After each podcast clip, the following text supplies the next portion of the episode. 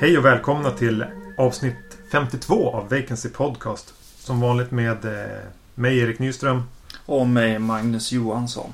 Idag ska vi prata om eh, Deranged från 1974 och eh, The Town That Dreaded Sundown från 1976. Mm. Eh, Båda eh, så här lite baserat på verkliga seriemördare helt enkelt. True Crime Ja, precis. kallade, kallade vi det också. Även gemensamt är att filmerna har en berättare som inte är någon i filmen. Ja, precis. Eh, upptäckte jag när vi såg dem. Eh, hade jag nog vetat om jag hade tänkt efter. Mm. Sen eh, har båda två relativt ny, nyss släppts för, på Blu-ray. Mm. Och det var väl lite extra intressant i fallet med The Town That Dreaded Sundown eftersom den länge var en, en outgiven film. Den, så vitt jag vet så släpptes den aldrig på DVD.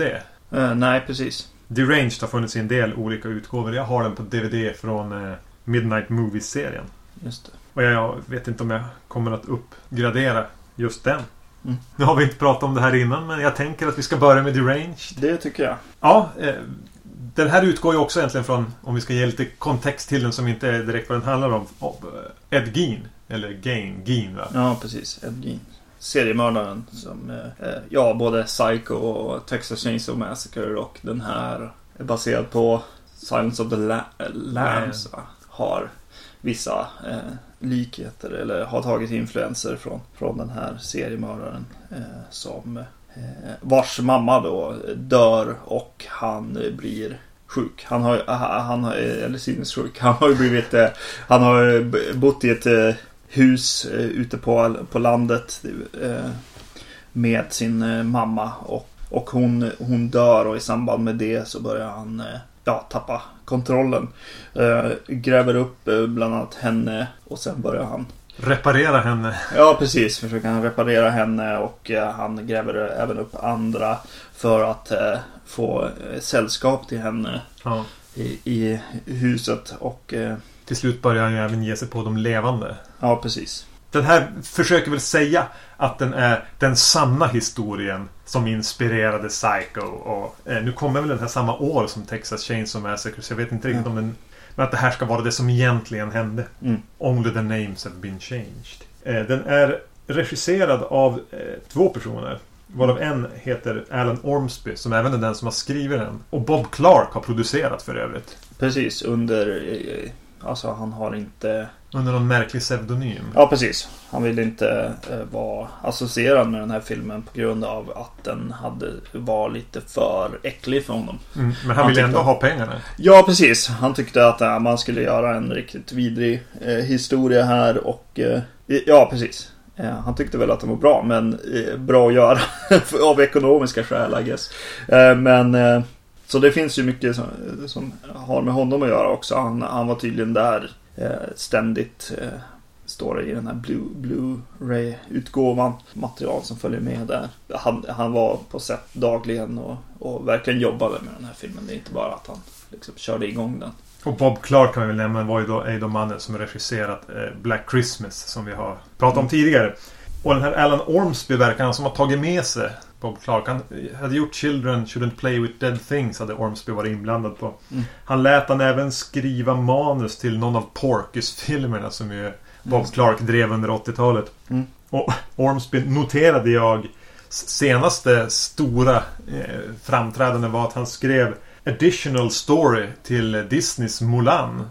Jaha. Ser du några kopplingar mellan är Range. Mulan. Mulan? Ja, kanske inte då. Men i den här filmen så heter Ed Gein Ezra Cobb och eh, spelas av Robert Blossom. Eh, Eller tvärtom? Rob nej, Roberts Blossom heter han. eh, ja, precis. Det är ett förvirrande namn i och med att han heter Roberts. Roberts Blossom. Ja, det kanske han heter. Eller heter han Blossom Roberts? Nej. Blossom är eh, en tv-serie. Ja, det är efternamnet på den här. Ja. Eh, eh, skådisen och han är känd från eh, Home Alone. Precis. Eh, Det är det jag tänker på i alla fall. ja, precis. Han spelar den här gamla farbrorn.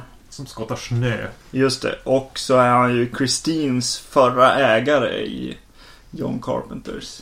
Går runt i någon slags underställ och är jättevidrig. Ja. Säljer bilen där. Ja. Eh, jag noterade att han dog 2011. Mm. Eh, så det var relativt nyss. Bara två år sedan. Och han, för han känns så gammal redan här. Ja, precis. Så att han ska ha liksom levt i nästan ja, 40 år till Ja. efter det. Han måste ha haft ett sånt eh, utseende helt enkelt. Eh, Men jag tänker att det är en bra början att prata lite grann om, om, om Roberts Blossom. Mm. För vad skulle Deranged vara utan han i huvudrollen? Ja, det är ju inte, inte mycket att hänga i julgranen. Han gör ju ett, ett eh, fantastiskt jobb här som liksom den kufiska eh, mannen här som, som, ja verkligen, ja men det syns ju verkligen att han har bott bara med sin mamma och inte haft kontakt med någon och På landet och, Mm. och så här. ja, han gör en, Jättekul. Och det känns lite grann inte riktigt som att den här eh, skådespelar så mycket heller. Att han, han bara går in och är på ett sätt. Han är en så här karismatisk kuf. mm, På ett ganska lågmält sätt. Och det räcker. han är ju väldigt bra på att sätta eh, den lite bizarra tonen i filmen också känner jag. Att han, han är ett navet där kanske. Mm. Det jag tycker med, eh, eh, han, han, han får verkligen in den här Det känns som att man har träffat på eller sett såna här gubbar. Nu är han kanske 50 när han gör den här men han känns ju åtminstone 10 år äldre. Ja. Att man har träffat på och jag vet min mormor hade en bror som hette Helge. Ja. Som eh, kändes lite grann som den här som inte sa så mycket i sociala sammanhang. Som aldrig var i närheten av att ha en fru. Som bodde på landet eh, och som höll på med sitt. Nu höll inte min mormors bror på med, det här, med, med gravplundring och mord. Han höll på med lastbilar och, och maskiner. Men, men lite grann den här den, För mig slår den i alla fall an precis den här lantis, Mm. bo hemma. Ja, precis. Bo i samma hus i hela sitt liv och Ja. hela den biten. Ja, Det absolut. känns som det finns så, ganska många sådana i Norrland. Mm. Men du var inne på att prata om eh, stämningen eller tonen i filmen. Mm, precis. Och eh, den här filmen börjar med en, att en nyhetsjournalist kommer in i miljön, liksom inne i... Man, man får först se lite av landstället där eh, Ezra Cobb här eh, bor. Och, eh, och sen kliver det bara in en, en nyhetsjournalist. Med micken och, och Ja, precis. Och som eh, börjar berätta om, om den här historien och hur, hur bisarr den är och liksom sätter upp förväntningarna. På det, eller försöker i alla fall. Eh, men bara att han är där sätter ju en liten annan, liten roligare eh, drive-in bio-ton. mm, Eh, får jag i alla fall redan från, från den biten. Eh, som fortsätter genom hela filmen tycker jag. Det, det Eh, för mig så, varje gång jag ser den här filmen, vilket jag har gjort ganska många gånger. Så nu börjar jag så här eh, fantisera om hur det är att sitta på en drive-in bio och se den här. När den, när den blandar fniss och äckel, chock och sex och eh, ganska friskt. Och eh, i princip har en pacing där folk kan ta en liten break och ja, jag vet inte. Pussas lite eller vad de kan göra liksom. Mysa lite. Det finns några sådana. Ja, det, det är väldigt... Man, man liksom tittar upp och så säger man, nej men vad fan håller de på med nu då? så lite grann. man kan komma och gå lite grann i filmen också. Ja, Mm, för den har ju en, en, en, eh, lite så kufisk stämning. Den här reporten kommer in och jag lägger på ett som ett extra meta-lager nästan. Mm. Sen har den den här orgelmusiken Mm. som ligger som en eh, återkommande. Framförallt när de är hemma i huset med mamman. Som Ja. får den här lite religiösa. Mamman är ju religiös också. ja, Eh, Och tutar ju i han att kvinnor är... eh, Eller sex och allting det, det är djävulen och ondska. Och så spelar de den här lite mer så här hemmatramp-orgel. Mm. Musik. Och den, den krymper liksom ihop filmen känner jag. Mm. Alltså att den är som uppbyggd av ganska små isolerade scener där de är som i ett lit... Även om de är utomhus eller vart än de är så känns det väldigt ihoptryckt och litet. Det känns... Om det sen är ett, ett, ett konstnärligt val eller om det bara blev så för att regissörsduon här egentligen inte var så rutinerad och bara råkade få till det. Men Mm. Den gör att den känns lite svår att ta sig ur. Mm. Ja. Han sitter där vid sin mammas säng eller han är hemma hos några som tar sig an och äter middag. Vart än man är så krymper det ihop till att det finns nästan ingenting utanför det som händer i, Ja, i filmen. Jag, jag kan inte riktigt beskriva eller förstå vad det är som gör det. Att det skapas den. Förmodligen är det den här lite lågbudgetkänslan. Det är en ganska statisk kamera som de har satt upp. Ganska få klipp egentligen. Mm. Jag tänker att du kanske skulle ha haft en, eh, en revolver med dig så att du inte fastnar liksom i filmen. Nej, Nej, det var referens till, till filmen. Ni får se den för att hänga med i den. Eh, Men eh, ja, och så har den ju, den har ju alltså, ja, eh, likt Black Christmas så kommer det in några scener som är så här bizarr humor och sexhumor och, och sådana grejer som lättar liksom lite grann fast ändå håller sig liksom lite nertonad. Kanske på grund av hans eh, eh, Rob, eh, Roberts Blossom här. Hans skådespeleri kanske. Jag tänker på en scen när han eh, får reda på att, eh, att det finns dödsannonser i tidningar. Eh, där Ja. man kan läsa exakt när folk har dött och vart de ligger begravda och vilken, vilken tid de just blir begravda och så. Vilken är en ganska rolig, en rolig scen som blir härligt bisarr med, med ja, Estra Cobb här. Hur han hanterar det och så. här. Ja, du menar att det, alltså, jag kan läsa här om det här. Eh, Det är ju väldigt viktig information. Ja. Alltså, han får det blir ju... Han får verkligen ett, hans, Allt han gör blir så mycket enklare när han får, får veta det här. Ja, precis. Och han säger, ja men då kan man ju ta, då kan man ju gå dit och ta delar, säger han till den här familjen. Ja. Utan, utifall att man vill reparera någonting eller så. så kanske Ja. man kan ha ett huvud eller vad man kan behöva. Och de tycker han bara är så kufisk och jätte... Tokrolig. Ja, precis. så de tänker inte på det. Eh, Ja, nej, den blir som eh, en rolig scen. De försöker sig på en, en till sån scen också med en kvinna som han åker till och ska ha en seans med. Han blir väl en kvinna som han blir lite ihopparad med. För de tycker Ja, att precis. det börjar vara dags att han gifter sig. Han är ju ändå typ 50. Mm, och då har mamman sagt att eh, den här, den här, innan hon dog så sa hon att den här kvinnan kan jag lita på för hon är fet. Ja. Ja.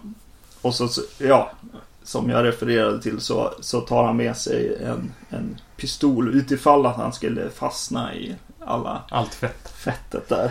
Och de har då en seans för de tänker att de ska ha en gruppseans så att Mm. Ezra Cobb ska kunna prata med sin mamma och hon, den här kvinnan, ska kunna prata med, med sin döde man. Mm, precis. Herbert heter han. Och kvinnan eh, använder tillfället för att egentligen få komma i säng med den här mannen. Ja, jag vet inte om den funkar så lika bra riktigt som den där dödsannons. Men det blir för scenen. mycket att den förlitar sig på att hon ska vara lite rolig. Ja, Och man är inte så intresserad av att se hon rolig när hon sitter liksom och Mm. pratar med sin mans röst och flåsar och, och pratar om fysiska kärleken. Ehm, och så får, får, får Ezra bara sitta och reagera på det. Det är inte, inte lika roligt som när han, när han eh, bara ska hantera någonting vardagligt utifrån sin ja. vrid, sitt vridna perspektiv. Nej, precis. Och här kom- kommer vi kanske tillbaks till vårt Black Christmas eh, avsnitt eh, där eh, en av de enda så här, eh, kritiken som kommer eh, från den filmen är när den här skådespelerskan är med Ja. i, i den filmen. Hon, hon spelar husmodern i, eller vad, vad man säger, i Black Christmas. Och har lite så här tokroliga scener som, som skär sig lite för mycket. Mm. Eh, mot, mot för, eh, oj vad heter hon? Eh, som också är rolig i den eh, filmen. Margot Kidder. Ma- Margot Kidder som lägger sig på en helt annan nivå som, som känns mycket skönare. Men eh, just det, jag tänkte inte på det, är alltså samma skådis. Ja. Är det någon släkting till Bob Clark är då frågan. ja, precis. Ja, Eftersom han har med i två filmer i, i princip samtidigt. ja precis. Och, eh, Och i en rolig roll som inte är speciellt rolig. Nej, precis. Är det hans syster? Fru? Ja, just det. Mamma? just det. Ja, det vet man inte. ja. Nej, men så, så scener som den och eh, li, lite andra grejer så, så är det som jag reagerar på att den har lite pacing Ja, ja. problem. Jag tycker att för den scenen blir ganska lång också. Först Mm. ska det vara lite roligt och sen ja, sig den åt ett håll. Och sen ganska tätt på det så, så får han för sig att han ska åka och, och liksom ragga upp och kanske då eventuellt även döda en, en servitris. Mm. som blir väldigt lång. Alltså Mm. han, han åker till baren där hon jobbar och sitter där och pratar med någon på baren och, och dricker alkohol. Och sen blir han jättefull för han är inte van att dricka och, och, sen åker han, och så åker han tillbaka dit någon, några kvällar senare och lurar med sig hon och liksom kidnappar och tar med hem. Alltså det tar väldigt Mm. det blir, för mig, den tappar mig lite grann där i att den inte, ja men som du kallar det, pacing, alltså Mm. tempot. Det blir, Mm. ja men vi har just sett någonting liknande, nu ska vi bara se det en gång till och det blir ingen, Mm. ingen riktig nerv i det. Det blir inte riktigt spännande eller, eller Nej, precis. Även om när han sitter i någon slags peruk och vevar på, en, vevar på den här eh, Speldosan. speldosan som väl egentligen är den som gör den här orgelmusiken Ja, pratar om. Det är en ganska disturbing. ja, jo precis. Jo, han, han, han eh, vinner i princip över Leatherface vid vissa tidpunkter där Ja. känner jag. Eh, ja, precis. Det är så jäkla spännande just det där. När man börjar titta på när de här är släppta. Kan jag tycka. Deranged och Texas Chainsaw Massacre. Texas Chainsaw Massacre är ju också löst baserat på, på Ed Gein. Eh, och eh, ja, just att. Ja, och, och då kollar jag i IMDBs releasedatum om det var någon sån här snabb reaktion till, till eh, Texas Chainsaw Massacre eller hur det låg till. Men eh, den här är releasad tidigare. Alltså Ja. släppt tidigare. Var det stor skillnad? Nej, det var ju månader emellan. Men...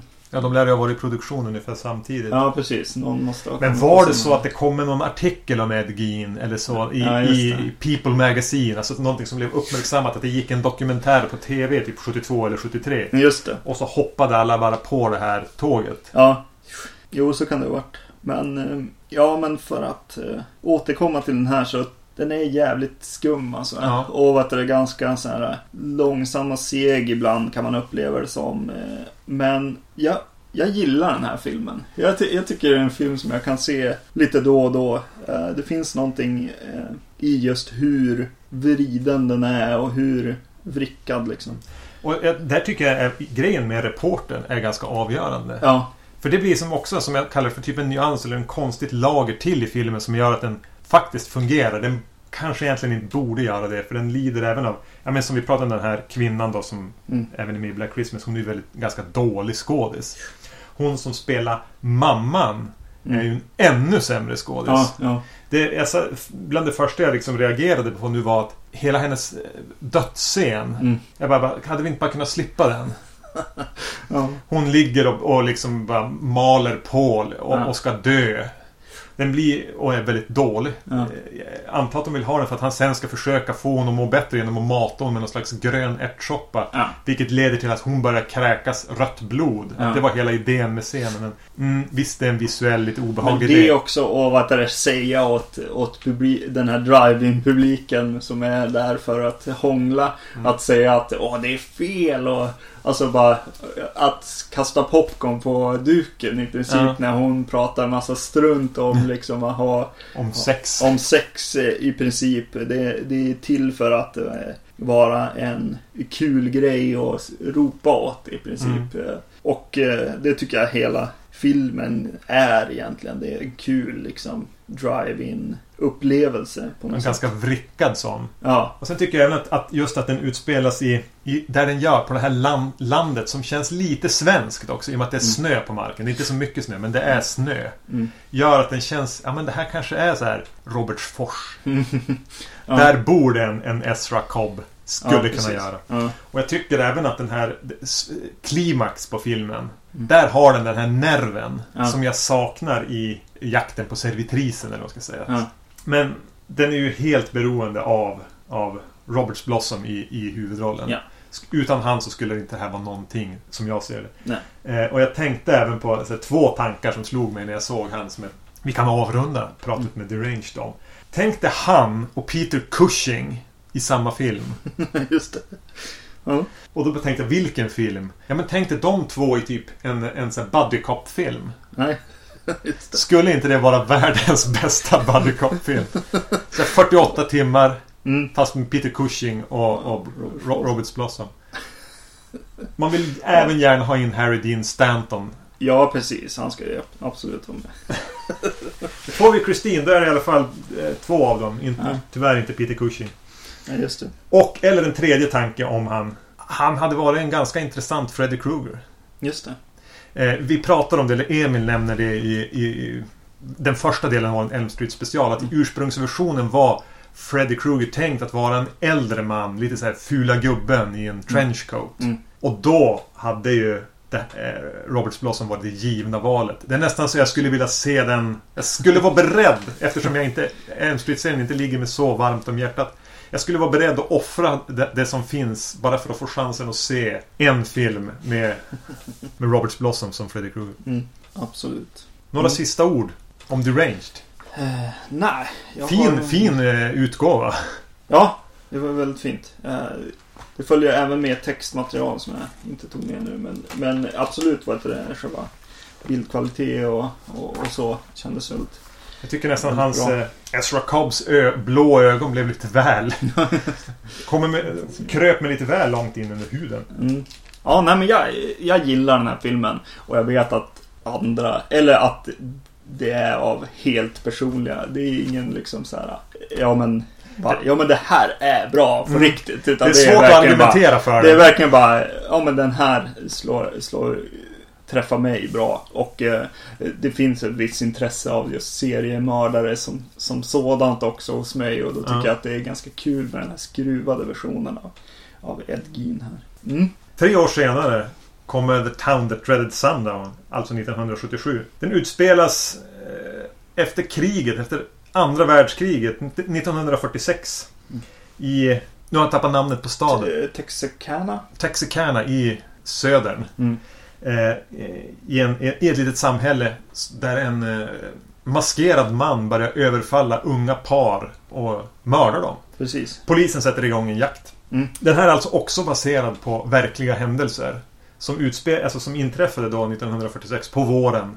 Och den är väl förmodligen mer sanningsenlig i att antalet offer, eh, att det var mellan de datumen det hände. Överfallen gick till ungefär så. De har ju naturligtvis bytt ut namnen och säkert spetsat till överfallen. Framförallt på de som är döda, som man ju inte riktigt vet hur det gick till. Mm. Men de satt ofta i sina bilar när de blev överfallna. Ja, de var ju på sån här Lovers Lane eller Ja. liksom. Och blev överfallna av den här mannen. Och att det var en, alltså en manhunt utan dess like. Kanske en av de första större så här, efter en Mm. seriemördare. Ja. Som kallas The Phantom. Eller The Phantom Killer. Eller The Phantom Slayer. Mm. Fantomen. Ja. Ja, det första med The Town That Dreaded Sundown är ju titeln. Som är fantastisk tycker Ja. jag. uh, jäkligt härlig eh, titel på den. Det, det, det som jag gillar när den här filmen börjar.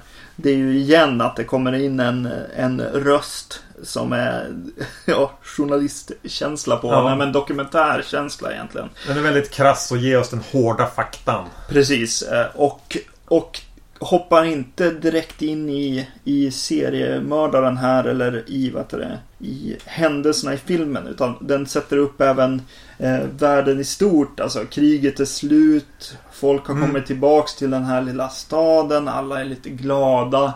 Den Och- sätter verkligen en liten temp. Ja, precis. Så, så här såg USA ut vid den här tidpunkten. Precis. Det är en ganska uppsluppen stämning efter krig. Och de, han är till och med inne och nosar på det här med liksom, ja, men spänningarna mellan USA och Sovjet började tillta. Folk blev rädda för fackförbund och sånt där. Alltså att den Mm. nästan ger en allmän politisk skildring i Eh. några korta meningar. Ja, precis. Och här säger han ju också Only the names have been changed. Vilket är som en häftig eh, sätt att sätta igång en, en sån här Based on a True Story-film egentligen. Mm. Eh, men jag gillar verkligen att den, den sätter upp någon slags ja, his, historia. Att det blir en period piece eller vad man säger på svenska. Ja, det känns ju rätt unikt med en, med en typ slasher. Mm. Film som utspelas på 40-talet. Precis, och, och, och det sätter de ju upp bra också tycker jag. I, särskilt i början med, med alla fordon egentligen. Även om det känns som det är samma tillverkare som har levererat alla fordon i det här spel, spelet, i den här filmen. Eh, Men, eh, men, men jag gillar verkligen att, att de försöker eh, så gott de kan och sätta upp liksom eh, det här 40-talet. Och det, det, det, det nästa man vill komma in på då som man måste prata om när man pratar om den här filmen. Är ju den givna kopplingen till eh, Friday the 13th Part 2. Precis, för, för att eh, de har ju problem att, att hitta mördaren i den här filmen. Men vi vet ju alla att det är Jason Voorhees Ah, ja. som springer omkring. Nej men han är, äh, De, det här är precis exakt samma eh, design. Eh, som, Alltså inte en hockeymask då. Utan... eh, utan som i tvåan Ja. eh, med det här örngottet eller vad man ska säga, säcken över huvudet. Eh, egentligen samma kläder Ja. också. Eh, byxor och skor. Alltså hela, hela Ja. outfiten. Sen väljer han andra vapen. Men det, och det har de väl sagt till och med, Steve Miner eller vem det nu var, att, att den här filmen, looken på mördaren inspirerade. Mm. Eller de, de, de inspirerade, de tog den. Mm. Rakt av. Och det är ju en bra look. Ja. Eh, De använder den nästan lite... Ja, lite... Han ska ju synas mer här. Ja, men han har ju häftigt, eh, jag tycker han har häftigt rörelsemönster också. Han försöker, eh, den, den här första överfallet i, i en bil som man får se gillar jag lite grann. Just för att han smyger på dem, försöker att inte synas. Man ser hans tankar i att han måste, måste ta sig fram till bilen osedd. Eh, och sen eh, Sen är det ju häftigt hur han, hur han öppnar deras, eh, eh, vad heter det? Ja, Huven. sliter upp motorhuven och så smäller han igen den och så står han och håller i några Eh. viktiga sladdar. sladdar jag. Och så, och så sen börjar en liksom intensiv ett överfall av de här eh, det här kärleksparet i bilen. Och eh, det jag gillar specifikt i den här eh, scenen är hur, hur den icke startande motorn Mördarens andning och offrens skrik skapar soundtracket till den här scenen. Det blir verkligen som en musikslinga liksom som går. Kan jag visa här Ja, precis. att jag skriver exakt tre samma, samma tre begrepp i, i mina anteckningar. Om att, att det blir som ett kakofoni av, av den här motorn som inte vill starta av andningen av skriken. Mm. Det är skitbra. Ja, skithäftigt. Och han blir ju otäck. Han är ju, ja, Jason är som otäckast i, tvåan tycker jag också. Mm. Och eh, den, just den här eh, looken blir jäkligt otäck. Och särskilt när det finns i något sammanhang av att eh, det känns Ja, som att de blir påkomna där i bilen och är i en helt annan sinnes... Men det är verkligen den här standardklichén i den här Ja. typen av skräckfilm också. Paret som har kört ut till så, Lovers Lane för att hångla i bilen. Och det dyker upp en mördare. Mm. Alltså det är så Ja, klassiskt. Men det kommer ju för sig för, förmodligen från The Phantom Killer m- Mm. på 40-talet. Eh, Att det har blivit en kliché. Eller, och, och till viss mån från den här filmen. Mm. Där kommer, ja precis. Där kommer det in en, eh, en grej som har hänt med mig som har med, med min, min syn på den här filmen den här gången att göra. Och det är att jag har spenderat eh, typ sommaren och lite efter sommaren här med att vet, eh, djupdyka i eh, Zodiac-morden i, i San, eh, San Francisco-området. Eh, där det finns mycket, mycket likheter. Eh, som då blir väldigt intressant för mig i hur polis och annat jagar den här mannen och inte riktigt kan ta reda på vem det är. Och, och även grejen med att han i den här filmen, de, de säger hela tiden att ja, men han triggas ju av det här. Att vi har värsta stora manhuntet Mm. igång och eh, han, han gillar förmodligen uppmärksamheten och så vidare. Så de är lite lika. Så därför kanske jag tittar på den här filmen med lite gladare bli- blick den här gången. Jag har sett den någon gång Ja, förr. jag har sett den en gång förr. Men det var ju problemet att den inte gick att få tag i. Så då såg jag någon ganska risig version på, Mm. på, som jag laddade ner. Ja, eh, så, jag, så jag gillar ju verkligen den här lite mer kliniska liksom, eh, dokumentärgrejen och polisens arbete och, eh, och eh, framförallt hur, hur staden reagerar. Att de, måste, de stannar hemma. Det blir en he, helt annan känsla i staden. Även om det kanske mest är den här voiceovern som, som, som säger det. Men man får även lite bilder på Mm. folk som börjar eh, stanna inne och så vidare. Det kommer till och med några sådana här montage eller collage som nästan känns lite som en instruktionsvideo. Så här, duck and cover. Ja. Alltså hur de håller på att eh, ja, men det blir utegångsförbud och polisen patrullerar och folk börjar till och med spika igen sina fönster. Mm. Och det känns väldigt Ja men mer den här dokumentära rösten som att det är någonting Ja det, det, det knyter den till en, till en, till en så svunnen tid i USA. Mm. Men du som nu har läst in då och grottat ner dig i, i Zodiac. Tror du det är samma mördare? Är det? Eh, nej, det tror jag nog inte. Ja, det skulle kunna vara det. Det skulle i princip kunna vara det. Det är, Det är bara väldigt 20 lika. år mellan, mellan 20-25 år och han beskrivs ju vara ganska ung här. Ja. I 30-årsåldern. Och han, han eh, har i princip samma sätt att... eh, Ja, de här överfallen eh, påminner väldigt, väldigt Mm. mycket om, om Och de så. kommer tillbaks enligt någon form av cykel. Alltså han är var, de säger det är tre veckor mellan överfallen. Ja, ungefär. precis. Också saker som Zodiac höll, höll på med. Tror du att vi är de första som gör den här kopplingen? nej, nej, inte alls. Det är ingenting vi kommer få ett Pulitzerpris för det här avsnittet alltså. nej. Nej. Eh, Han, han beväpnas ju även, alltså han, han, har ju, han har ju en pistol. Mm. Och det blir ju obehagligt. Jag tycker att det blir enormt obehagligt med pistoler. Det finns ingen, ingenstans att ta vägen riktigt. Eh, Man, man kan, det går inte springa i princip och ibland så kan man bli väldigt överrumplad av en, en pistol som bara dyker upp framför en. Liksom, titta in i mynningen. Jag tycker att det är läskigt. Jag vet att andra eh, förmodligen föredrar kniven, Kniven. säkert och, och kan tycka att eh, det är en liten besvikelse i den här filmen att den inte är mer slasher. Men jag tycker ändå att den är en slasherfilm med pistol. Ja, ja. För att, för att det, det blir så otroligt obehagliga överfall de, de, de få vi får i den här filmen tycker jag i alla fall. Jag Mm. personligen blir illa berörd. Framförallt kanske av att eh, de överlever så länge. Ja, Eh, det är inte en fredag den 13 film på det viset att ett Att- hugg om de är döda. Ja, precis. Eh, Utan här blir de liksom skjutna och försöker överleva och kämpar för sitt liv verkligen på ett väldigt obehagligt, eh, väldigt obehagligt sätt. Det blir väldigt 70-taligt. Alltså man tänker nästan på Last House on the Left eller eh, sådana filmer. De blir slagna i huvudet av något hårt och Ja. blöder jättemycket. Och de kan, man förstår att det här är en jätteskada de har fått. Mm. Det här kanske de dör men försöker ställa sig upp och faller. Någon hittas även så här upp, fastbunden eller mot ett träd. Mm. Och man ser, man, man får inte se vad som har hänt. Man får bara se Mm. resultatet. Och man, det är ett, har blivit så här, skjuten i typ ryggraden. Mm. Och det, är- det är bara obehagligt. Ja, Eh, Även är det en vid en av morden, en som blir, blir skjuten två gånger mm. i huvud. eh, Ja. Eller i alla fall övre delen av Ja. bålen. En gång i kinden tror Ja. jag. Och ändå flyr iväg. Och ramlar hela tiden. Och man förstår bara, det är ju inte fel på benen. nej precis. Utan det här är ju någonting mycket värre. Det är ju inte en kula i knät. Nej. Och ja, det är, jag tycker det är väldigt obehagligt med, med, med, med pistolen här. ja precis. Sen tror jag slasher-genren som sådan skulle bli trist om, om, om standard var att mördaren hade en revolver. Precis. Det här, du tar upp det här med, med trädet, fastbunden vid trädet. Jag tycker det är en otroligt bra setup också för, för senare i filmen så, så sker det här i realtid. Vi får se vad som, eh, att, att han faktiskt binder fast någon vid ett, eh, vid ett träd. Och då vet man ju. För då har man ju sett det här, Mm. vad som har hänt liksom. Och, och att, att då få liksom, ja, inblick i hur lång tid det hade gått för den här eh, kvinnan som sitter vid det första trädet. Och, eh, och just den scenen har jättejobbiga grejer med att vet du, det är ett par igen. Så de kan liksom inte hjälpa varandra. Eh, bo- Det går både fram och tillbaka. Eh, Påminner egentligen om den här eh, scenen i just Zodiac när, när han knivhugger de här, det här paret på, som är och sol, solbadar.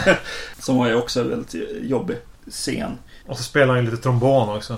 Ja, och det är väl det, är väl det konstigaste. Och, Ja. och liksom det man kanske skulle ha dragit streck över kanske som idé. Men, men jag gillar setupen och, och finishen på den grejen. Visst, trombongrejen är jävligt konstig. Men sen ligger de kvar efter dådet är avklarat. Mm. Eh, där han har tejpat fast typ en, en, eh, en kniv en... Liten kniv också. Ja. Längst fram på en trombon och Eh. spelar lite grann. Mm. Eller spelar men... Eh, Och det är ganska obehagliga hugg precis. Mm. Men, men sen när man... Eh, ja, jag vet inte. Det känns lite konstigt. Men, eh, men just när de ligger kvar på honom. När han andas och liksom lu- lugnar ner sig egentligen. Så här bara, jaha, oh, det är över på något sätt. Mm. Känns eh, jävligt obehagligt, tycker jag, i den här filmen. Sen finns det ju de saker jag inte tycker är riktigt jättebra. Mm. Och det är att de fyller ut speltiden som inte är speciellt lång. Den är väl 90 minuter knappt. Mm. Med eh, utfyllnadshumor. Ja, Ett tag, det börjar lite grann, de har en sån här comic relief polis Precis som i Black Christmas Mm. Vilket gör att man tänker en del i det här lite spretiga den här Den sticker iväg åt lite håll, den är ibland obehaglig men ibland nästan dokumentär Mm. eh, Och den är, kommer före slasher eh, standarden hade Mm. satts Så har vi även en, en polis som är lite den här eh, Kling och klang polisen som ska Mm. vara rolig och klantig Mm. Och de använder det väl lite för mycket. Ja. Han blir, alltså, det blir för mycket poänger som går ut på att han är en klantig polis. ja. Och det är inte speciellt roligt. Nej, det är Ja, precis. Lite Cannonball Run-humor på något sätt där. Eh, ja, nej men det är lite synd. Sen- Men, men i övrigt så gillar jag när de springer omkring i, i polishuset. Jag gillar att de använder mycket eh, statister. Det springer folk framför, framför kameran så här, som inte riktigt är med i historien. Och, eh, ja, men det känns som att hela staden finns där på något sätt. Eh, men jag satt och skrattade i, i en scen som eh, i po- polishuset. För de klipper mellan två vinklar i polishuset.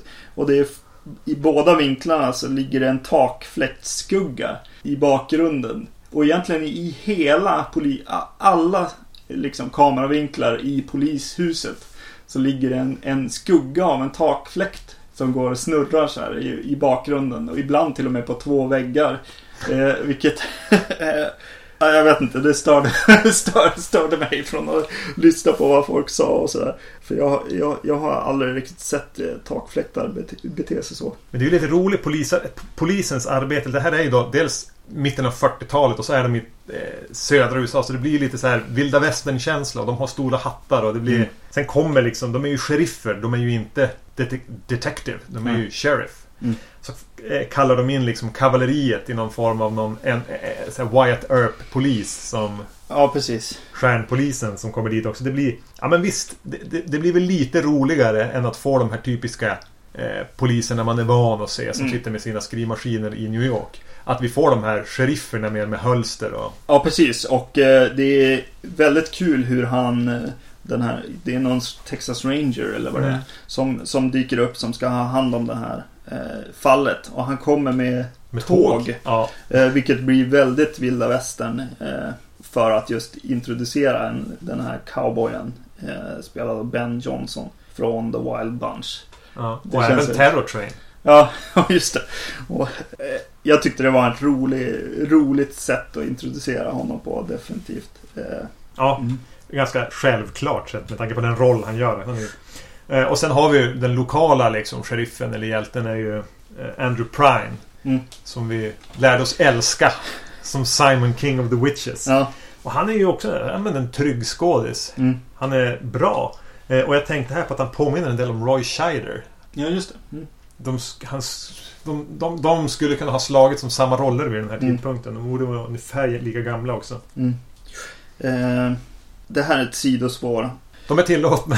Ja, precis. Men påminner den här filmen dig någonting om The Car? Som vi såg för ett tag sedan. Eh, Nu eh, för ett tag sedan. Ja, länge sedan. Fe- 15 plus år sedan. Jag minns ingenting av den. Jag minns inte riktigt heller, ska jag vara ärlig. Men, men det är som att den här polis, liksom, huset är så här bara, fan alltså, det är som att jag har sett det här förr. Den utspelar sig i södern lite grann. Ja. Kanske. Ja, ja. Eh, det får vi kolla upp helt enkelt. Vi får helt enkelt se The Car i ett avsnitt längre fram. Ja, precis. Och det är ju också en film som har kommit på, på Blu-ray nu. Så. Tycker du det är professionellt av eh, poliserna som leder utredningen att sitta på en restaurang och diskutera fallet öppet och högljutt? När dessutom mördaren råkar befinna sig på samma restaurang. och därmed vet precis hur långt de har kommit i utredningsarbetet. Nej, det går väl inte så bra. ja, ja. Men det är ju lite kul. Alltså det är ju det som är grejen. Poängen där är ju någonstans. Det kan vara Vem som helst. Ja. Eh, du, du kan ha bott granne med honom och hej och hå, precis den här seriemördarkänslan eh, på något sätt. Och det är ju poängen de, de återknyter till i slutet också. Mm. Alltså den, den kommer berättarrösten tillbaka som berättar hur Mm. att, att, att staden Texarkana är fortfarande är liksom ungefär Idag är den likadan som den var då. Den ser likadan ut men Mm. Men och mördaren kan fortfarande finnas bland oss. Och då eh, filmar den på några fötter som står i en kö så här. Och så, eh, Mm. Nu vet jag inte vilket som kommer före men det är i alla fall fötter som köar till en bio. Mm. Och filmen de ska se är The Town That Dreaded Sundown. Ser man stå på en, en, billboard. Premiär idag liksom. Ja. Och det är ju för att göra den här lite, ja men det har vi den här lite drive-in grejen. Ja. ja, både det och vad det, just att eh, han finns där ute. Then he's still out there. Ja, precis. Eh, just det. Och eh, jag gillar just den här grejen också med, med hur den tar upp eh, fallet. Eh, nu kan det ja, nu, nu kan inte jag nog mycket om det här fallet. Men jag får en känsla av att de, de tar in en del, till exempel misstänkta. Som de avhandlar lite snabbt i vissa dialoger och så här, ja men den, den, den här pappan har anhållit sin egen son som kanske, kanske är eh, mördaren eller Jo, de Eller pratar andra. om några och de plockar in en också efter en biljakt. Ja, Och de nämner en när de åker bil att ja, men, det kan ju vara så att han har blivit gripen för ett annat brott. Och Mm. då säger de Du menar han som blev gripen i den där grannstaden? Ja precis. Ja, Ja, precis. ja nej men det stämmer nog inte riktigt för han har alibi för det och det och det. Och jag får en, en stark känsla av att många av de här är sådana som har varit misstänkta. Eller en del, en del sådana här som fortfarande kanske till och med Kan folk- vara, Eh, kan vara mördare. Eh, precis. Eh, men det- det känns som att den också, eh, ja men precis. Allt det här med, med efter kriget grejen och att det blir lite mer vilda västern. Att den är lite så här en, en, en historia om Amerika. Det finns någonting där som vill sägas. Eh, och mot slutet flyger det till och med iväg en örn från en från en, eh, ett träd. Så jag får väldigt mycket så här, ja men okej, det här är uppror, alltså det här är vad som har, vad Amerikas, eh, liksom, hur det har blivit till på något sätt. Det är vad som har skapats av Amerika på något sätt. Den här Se- seriemördaren, eller? Eller? Gör du en för... Jag kanske fördjupar läser in för mycket. Mm. Den är ju en jädrigt härlig film. Jag tyckte bättre om den när jag såg den nu än när jag såg den förra gången, som jag minns det. Och eh, den, jag tycker den funkar som en så här pre-slasher. Mm. Tillsammans med Black Christmas. Den är inte lika briljant som Black Christmas. Mm. Eh, om Black Christmas var det som blev Halloween så är det här på något sätt det som blev fredag den 13. Mm. På ett sätt. Samtidigt som den ändå är inne i det här Zodiac, seriemördar Mm. och trampar. Och får en liten e- egen touch med att den utspelas på 40-talet. Att det i princip är sheriffer som, som leder. Ja, mycket har ju med utgåvan tycker jag att göra också. Att så här, äntligen får man se den här filmen Mm. på riktigt. På Ja. något vis. Det är Eh. återigen en fin utgåva. Det är lite så här, lite... Alltså den är fint restaurerat. Den är bra, alltså högupplöst och fin. Det är lite skräp i den men det gör ju ingenting. Nej, precis. Eh, Jag var helt övertygad om innan vi såg det, eller innan vi såg de här filmerna och skulle göra det här avsnittet var jag helt övertygad om att jag skulle gilla Deranged bättre eftersom Ja. jag har sett den flera gånger och har varit lite eh, och verkligen tyckt om eh, Robert Blossoms porträtt. Men den här gången tyckte jag fan att den här filmen var riktigt bra alltså. Ja, för mig är, är, är om vi ska utse en vinnare Ja, på poäng så, så, så tycker jag bättre om The Town That Dreaded Sundown. ja jag med. Deranged har, kan ha, den kan vara lite trist. Ja, Den kan du gå och hämta en kopp kaffe under och fortsätta se. Här vill du nog snarare se allt. Även om det är lite skämskudde på de här försöken till humor. En del kan vara lite roligt men de gör det för mycket. Mm. Alltså den har inte tillräckligt med stoff för att fylla ut 90 minuter. Mm. Hade du noterat regissörens namn? eh, det hade jag kanske gjort. Han heter någonting med Pierce tror jag. Just det. Charles B. Pierce. Ja. Han har i övrigt gjort Legend of Boggy Creek. Mm. Som är någonting jag tänkt att vi ska hinna till på podden. För Ja, framöver. precis. Och andra lite så här läskigheter har han gjort också. Jag noterade inte någon speciell, men det Mm. känns... Någonting vi får anledning att återkomma till kanske. Ja. Eh, men ändå, återigen, båda filmerna här ska man naturligtvis se. Ja. Och vill man köpa dem så finns det fina Blu-ray-utgåvor ute nu. The Town That Dreaded Sundown är väl en amerikansk en region A. Ja, det är det nog. Jag var då tvungen att ställa om min Blu-ray-spelare nu. Ja. När vi såg den. Precis. Eh, Så köp en regionsfri Om du... Blu-ray-spelare. ja men det ska man ju ha. Ja, det ska man ha. Det är liksom... Men... Ja, kanske inte för den här filmen, men den här med andra. Med andra. Ja, absolut. Nej, men... eh, www.vacancy.se och sånt. Podcastetvacancy.se Yes. Eh, precis. Dit kan man mejla. Vi finns på Facebook. eh, Vi finns på filmfenix.se. Nästa avsnitt blir Nils Petter Sundgren-skräck. Japp. Mer än så säger vi inte. Tack och hej! Hej, hej.